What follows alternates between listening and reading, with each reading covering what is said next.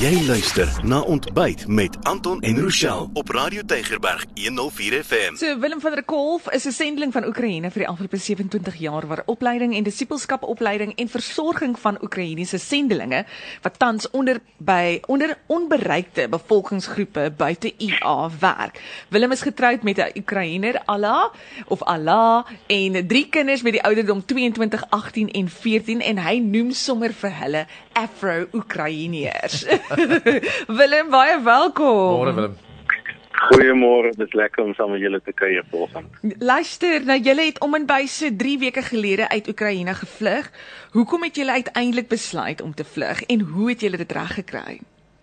Ja, ek uh, ons het uh, soos maar almal uh, die 24ste die oggend vroeg uh, wakker geword. Uh, Eintlik het iemand vir ons gebel, half 6 die oggend en gesê die oorlog het begin. Sjoe. En uh en uh reeds daai selfde dag het die eerste missiele oor ons uh, woonstelgebou gevlieg. So. Uh so uh, en die sirenes begin afgaan en so en toe ons het besef maar mens kan altyd jou noodlot uh, tart en kyk hoe lank mens kan bly daar. So Ja. maar uh, ons het net besef maar dis tyd om te gaan. Uh maar ons seun was nog in Kiev gewees. Nou ek weet nie hoe hoe Oh. hoeveel uh, die luisteraars die nuus dophou nie, maar die gedeelte in Kiev waar die ergste uh skade gelei het is is, is in daai omgewing omtrent waar my seun gestudeer het. Sjoe.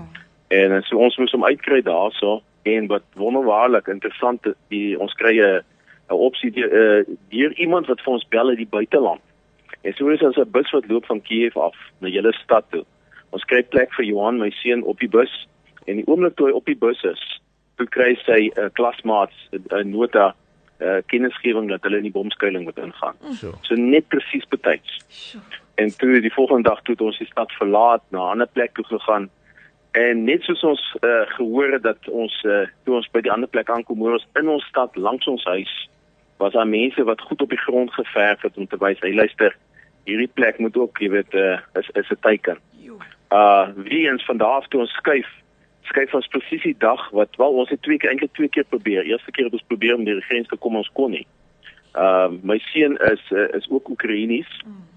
So uh alreeds die eerste dag het ons besef maar al die Oekraïense mans, hulle mag nie mag nie die land verlaat Ja, dis reg. en hy is klaar oor 18.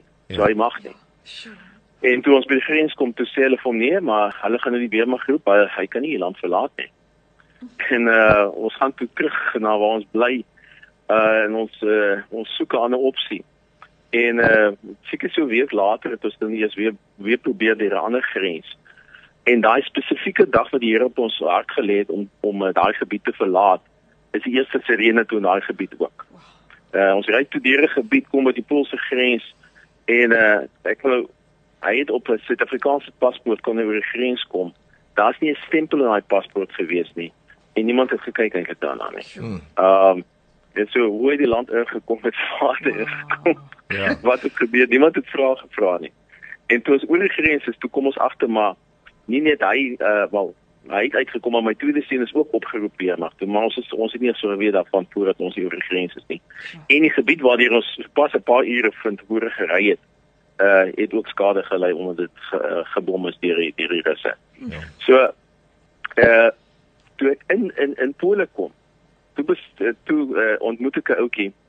Seker so 2 dae voor dis die eerste keer probeer het om oor die grens te kom toe uh sê my vrou Ala vir my, maar's twee uh, daar's 'n paartjie in ons nuwe kerk wat wil skei. En ek sê vir hom laat hulle kom hier na ons toe, laat ons net praat met hulle. Ja.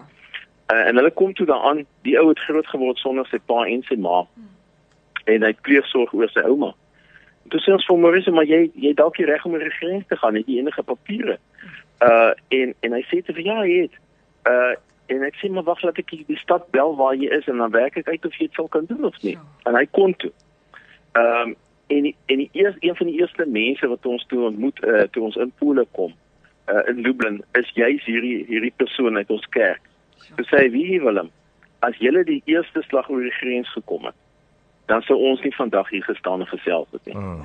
Want omdat julle nie deur die grens kon kom nie, kon jy my help om deur die grens te kom." Ja. En en, en ek wil ek wil dit graag vir vandag ook vir die luisteraars sê. Daar's baie kere wat mens so duidelik die Here se hand sien en alles werk net perfek uit soos ons dit wil gehad het. Ja. En dan daar kere wat dit nie uitwerk soos wat ons dink nie. Maar daai kere wat dit nie uitwerk nie, beteken nie die Here is afwesig nie. Dit beteken net daar's 'n groter prentjie as ek. Ja. Uh hy is hy wil hê ek moet ook iemand anders te help. Ja. Uh en en dis is dis is storie wat wat wat ek net vir vanoggend vinnig met julle wil gedeel. het. Sjoe. Ek, ek weet nie Ek kan nie glo dat jy aan iemand anders dink behalwe jouself nie. Ek dink as ek in daai situasie was, sou ek nie eens aan iemand anders gedink het nie, net aan my eie familie. Sjoe. Weggekree, Wow. ja.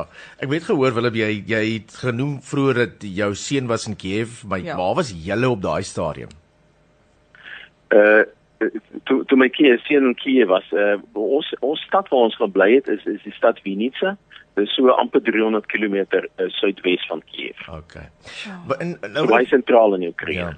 Ek wil nou net graag weet jy het nou jy het nou jy woon al baie lank daar, né? Nee? Ja. Okay. En was daar enigsins uh bespiegelinge oor die jare heen dat daar dalk op 'n stadium 'n konflik kan wees tussen Rusland en en Oekraïne?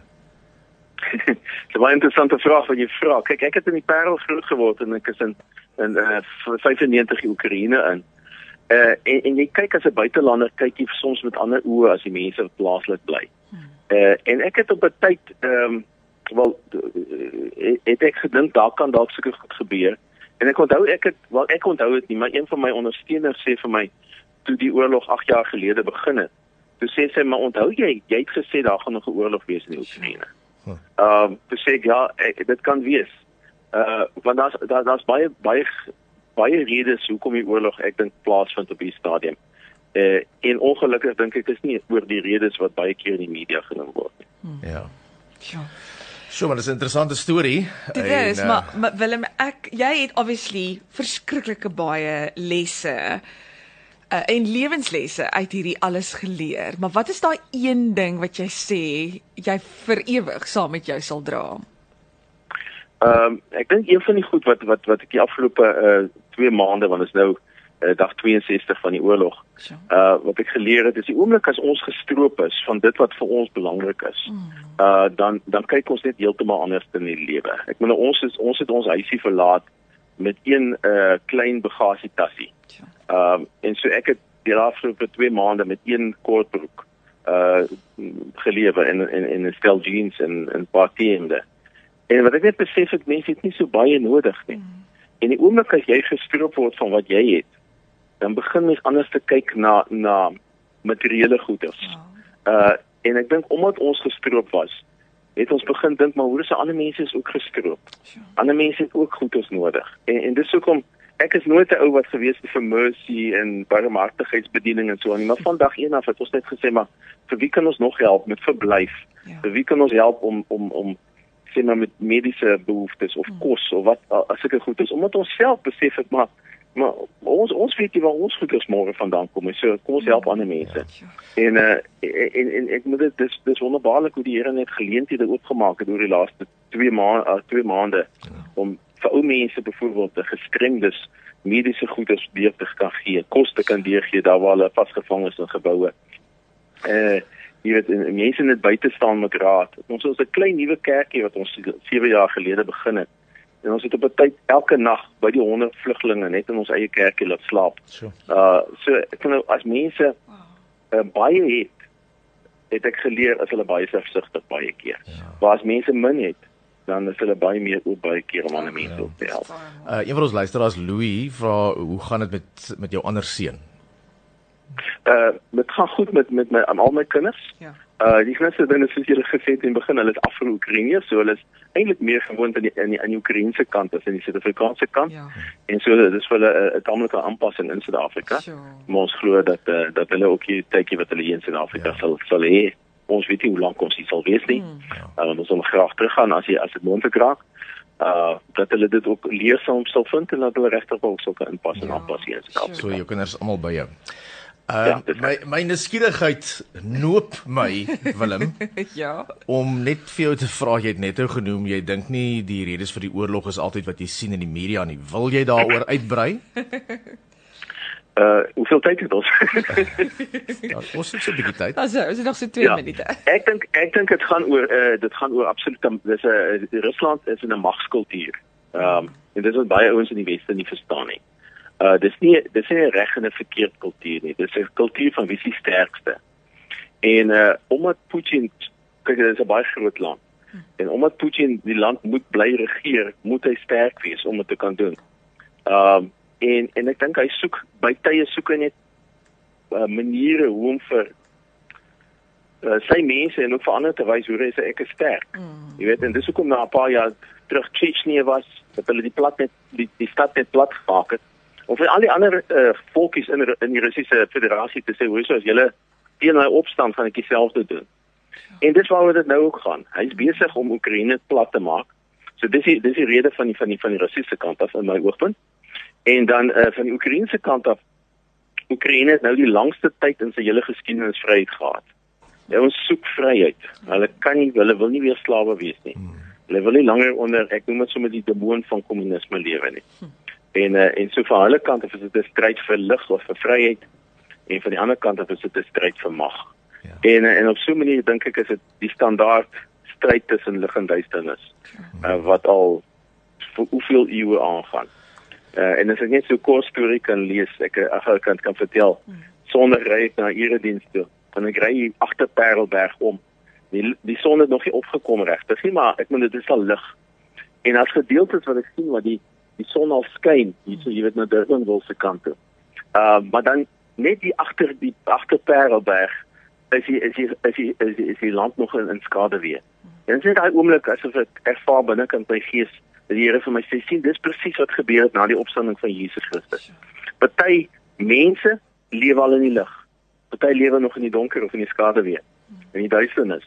En dieselfde met gebiede. Jy weet daar's gebiede wat die lig al gesien het van van Christus se opstanding en daar's ander gebiede wat nog presies in die duisternis is. Maar die wonderlike hoop wat ons het en wat ek verkondig is dat die son gaan verder op en op 'n stadium gaan die donkerte moet wyk. -hmm. En en en ek glo dit is ook wat met met met Jesus gebeur het. Hy staan op en al sy vyande gaan op 'n dag onder sy voete wees en gaan moet die knieë buig en sê hy is werklik die Here, hy is werklik die God. Ja. Uh, en en dis waar vir ons lewe en ek glo ook hierso. Uh sal die lig op jou ouene deurbreek alhoewel dit nou 'n ontsettende groot pyn ons uh huil elke dag. Um, saam met die Oekraïense mense mm. en ons ons probeer help en berus uh berusting vir hulle gee sover mens moet kan. Uh dis 'n donker tyd, maar ons glo waar daar gaan 'n bewende lig aan die einde van die tunnel wees. Wel nou ja, baie dankie. Uh ons tyd is verstreke. Ons het nou lekker lank gesels en dit was baie baie interessant geweest. En ehm um, sterkte vir julle. Ons bid vir julle. vir julle. Ja. ja. En ehm um, baie dankie vir die geleentheid en en ek hoop regte waar die kort getuienis hier wat ek gelewer het dat vandag mense bemoedig. Jesus is hier en hy lewe werklik waar.